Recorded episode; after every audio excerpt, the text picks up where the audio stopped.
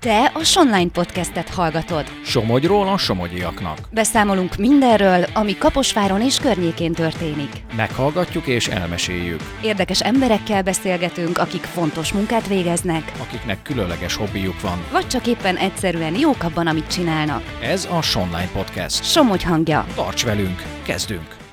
Árpád-kori templom feltárása zajlott a napokban Iharosberényben. A Ripronai Múzeum régészei megtalálták a keresztény épület alapfalait. Molnár Istvánt, az ásatás vezetőjét kérdeztük. Ezen a héten ásunk ig- igazából a jövő hét legfeljebb kis dokumentáció fog áthúzódni. Tehát hétfőn kezdtük, most ugyan adját be, befejezzük most pénteken. A Nemzeti Kulturális Alap pályázatán nyert pénzből ásunk, ami ez az Iharos Berényi önkormányzat adja az önrészt. Ez a harmadik ásatási évadunk, 2018-ban ástunk először, utána 2019-ben, ez pedig a harmadik év. Igazából úgy kezdődött a történet, hogy a, az Iharos-berényi lakosok közül a Varga Róbert, illetve Józsa Tibor megkeresett minket, a múzeumot, még nem 2016 körül, hogy próbáljuk azonosítani, de, de a pontos évszámra nem emlékszem, hogy próbáljuk azonosítani a, a település régi középkori templomának a helyét. És akkor ezt ilyen terepbejárás során sikerült megtalálnunk. Akkor a település, tehát Iharosberény önkormányzat a saját költségén egy ilyen georadaros felmérést rendelt meg, amivel pontosan sikerült a templomot megtalálni, meg az alaprajzát is úgy nagyjából kiadta már a felmérés, és ezt kezdtük el 2018-ban feltárni. Haló, ott vagy még? Igen, igen, hallgatlak Oké, okay. tehát 2018-ban és 2019-ben nagyjából feltártuk a templomot.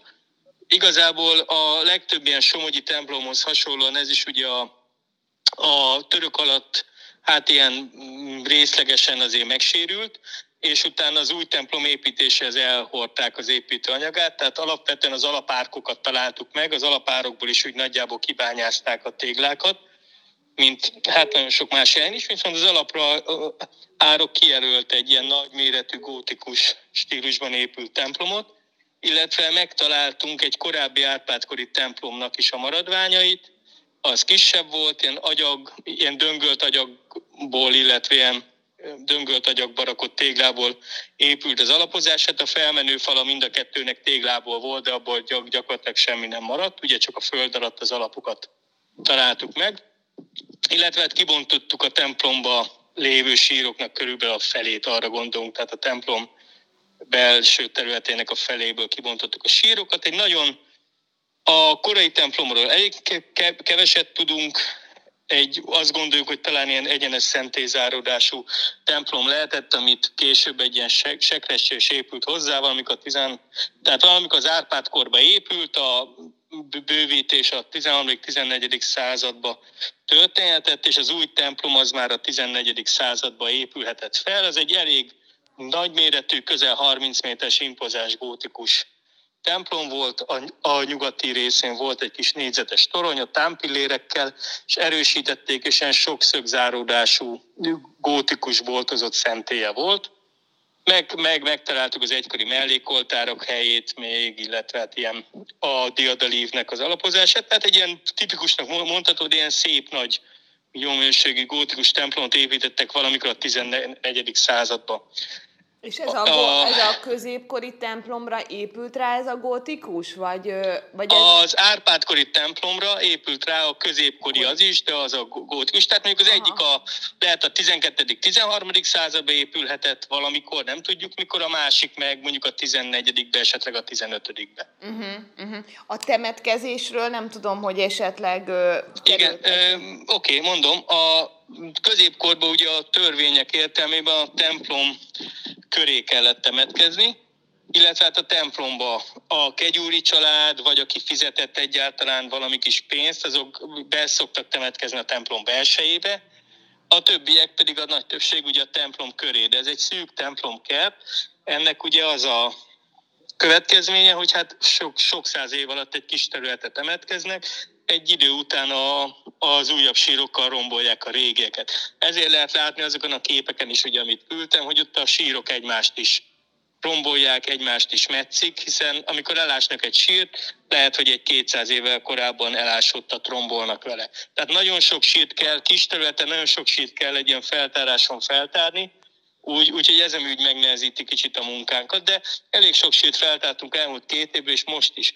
Ebben az évben a célunk az volt, hogy mivel a templom alaprajza tisztázódott, két dolgot szerettünk volna keresni, látszott a felmérésen, a georadós felmérésen egy ilyen nagy árok, elástunk rá, hát ez sekélyebb lett, mint gondoltuk, tehát ez nem lett olyan érdekes, illetve a feltárásokon múltkor megtalált, tehát megtaláltuk a régi templomnak a maradványait, az új, tehát a gótikus templomon kívül is, attól északra, úgy gondoltuk, hogy valószínűleg egy sekrestjét építettek hozzá, és ezt próbáltuk most megtalálni, és ezt meg is találtuk. Tehát ennek az alapfalait megtaláltuk, úgyhogy most a templomon kívül nyitottunk szelvényeket, feltártunk, hát nem, nem, nem is tudom hány sírt, egy ilyen 20-30 sírt ezekbe a kis szelvényekbe, amik beleestek, illetve a korai templomnak a fala, a falából találtunk szakaszokat. Tehát igazából ebbe az évben ezt csináltuk.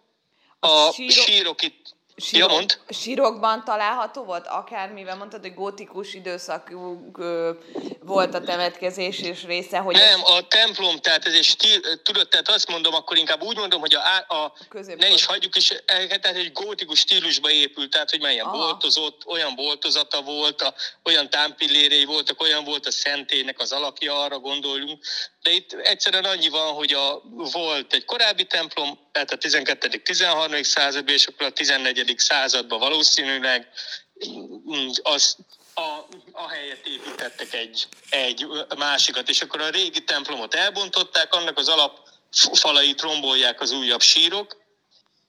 Na, a sírokban viszonylag kevés dolog van, tehát a, a középkori temetkezésekben, ugyanúgy, ahogy egy mostani temetkezésben nagyon ritkán találunk leleteket. Most is, amikor eltemetnek valakit, ugye nem rakunk mellé most se lovat, meg szabját, meg ilyeneket. És hát ak- akkor se a középkorban is keresztények voltak, tehát igazából csak egy-egy ilyen viseleti tárgy, szokott előkerülni, a sírok nagy része az melléklet nélküli, amikben van valami, azok ilyen pártamaradványokat találtunk, övnek a vereteit, uh-huh, uh-huh. ilyen gombokat, gyűrűt szoktunk találni, találtunk kis keresztet, amit egy olvasón Aha holtattak, tehát ilyen apró viseleti tárgyakat szoktak el, el, eltemetni maximum velük, és hát mi is ezeket találjuk meg. Jó, mondtad, hogy most pénteken zárul az ásatás. Ide jöttök még vissza, vagy van-e más terv hát a megyében? Kiderül, hogy ö, e, tehát ebben az évben nem. Ugye ez, a, mint mondtam, egy NK pályázatról. Ásunk, uh-huh. a település adja hozzá az ő részt, hát ha újra ásnak, újra majd pályázni kell valamikor. Jó. Tehát úgy tudunk. Hát ez egy ilyen kisebb összeg. Ebben az évben még tervezünk egy bárdudvarnoki feltárást. Ott egy premontrei préposságot monostól, tehát egy premontrei monostolt ásunk már sok-sok éve. Ott már talán, várja, 16-17, ott már négy ásatási évadunk volt eddig.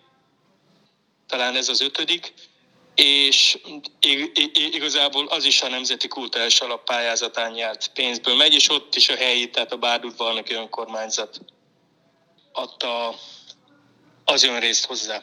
Te a Online Podcastet hallottad. Tarts velünk legközelebb is. További érdekes tartalmakért lapozd fel a Somogyi hírlapot. Olvasd a sonline.hu-t. Kövess minket a Facebookon és a TikTokon is. Helyi tartalmakért hallgasd a hírefemadásait a 97.5 frekvenciáján.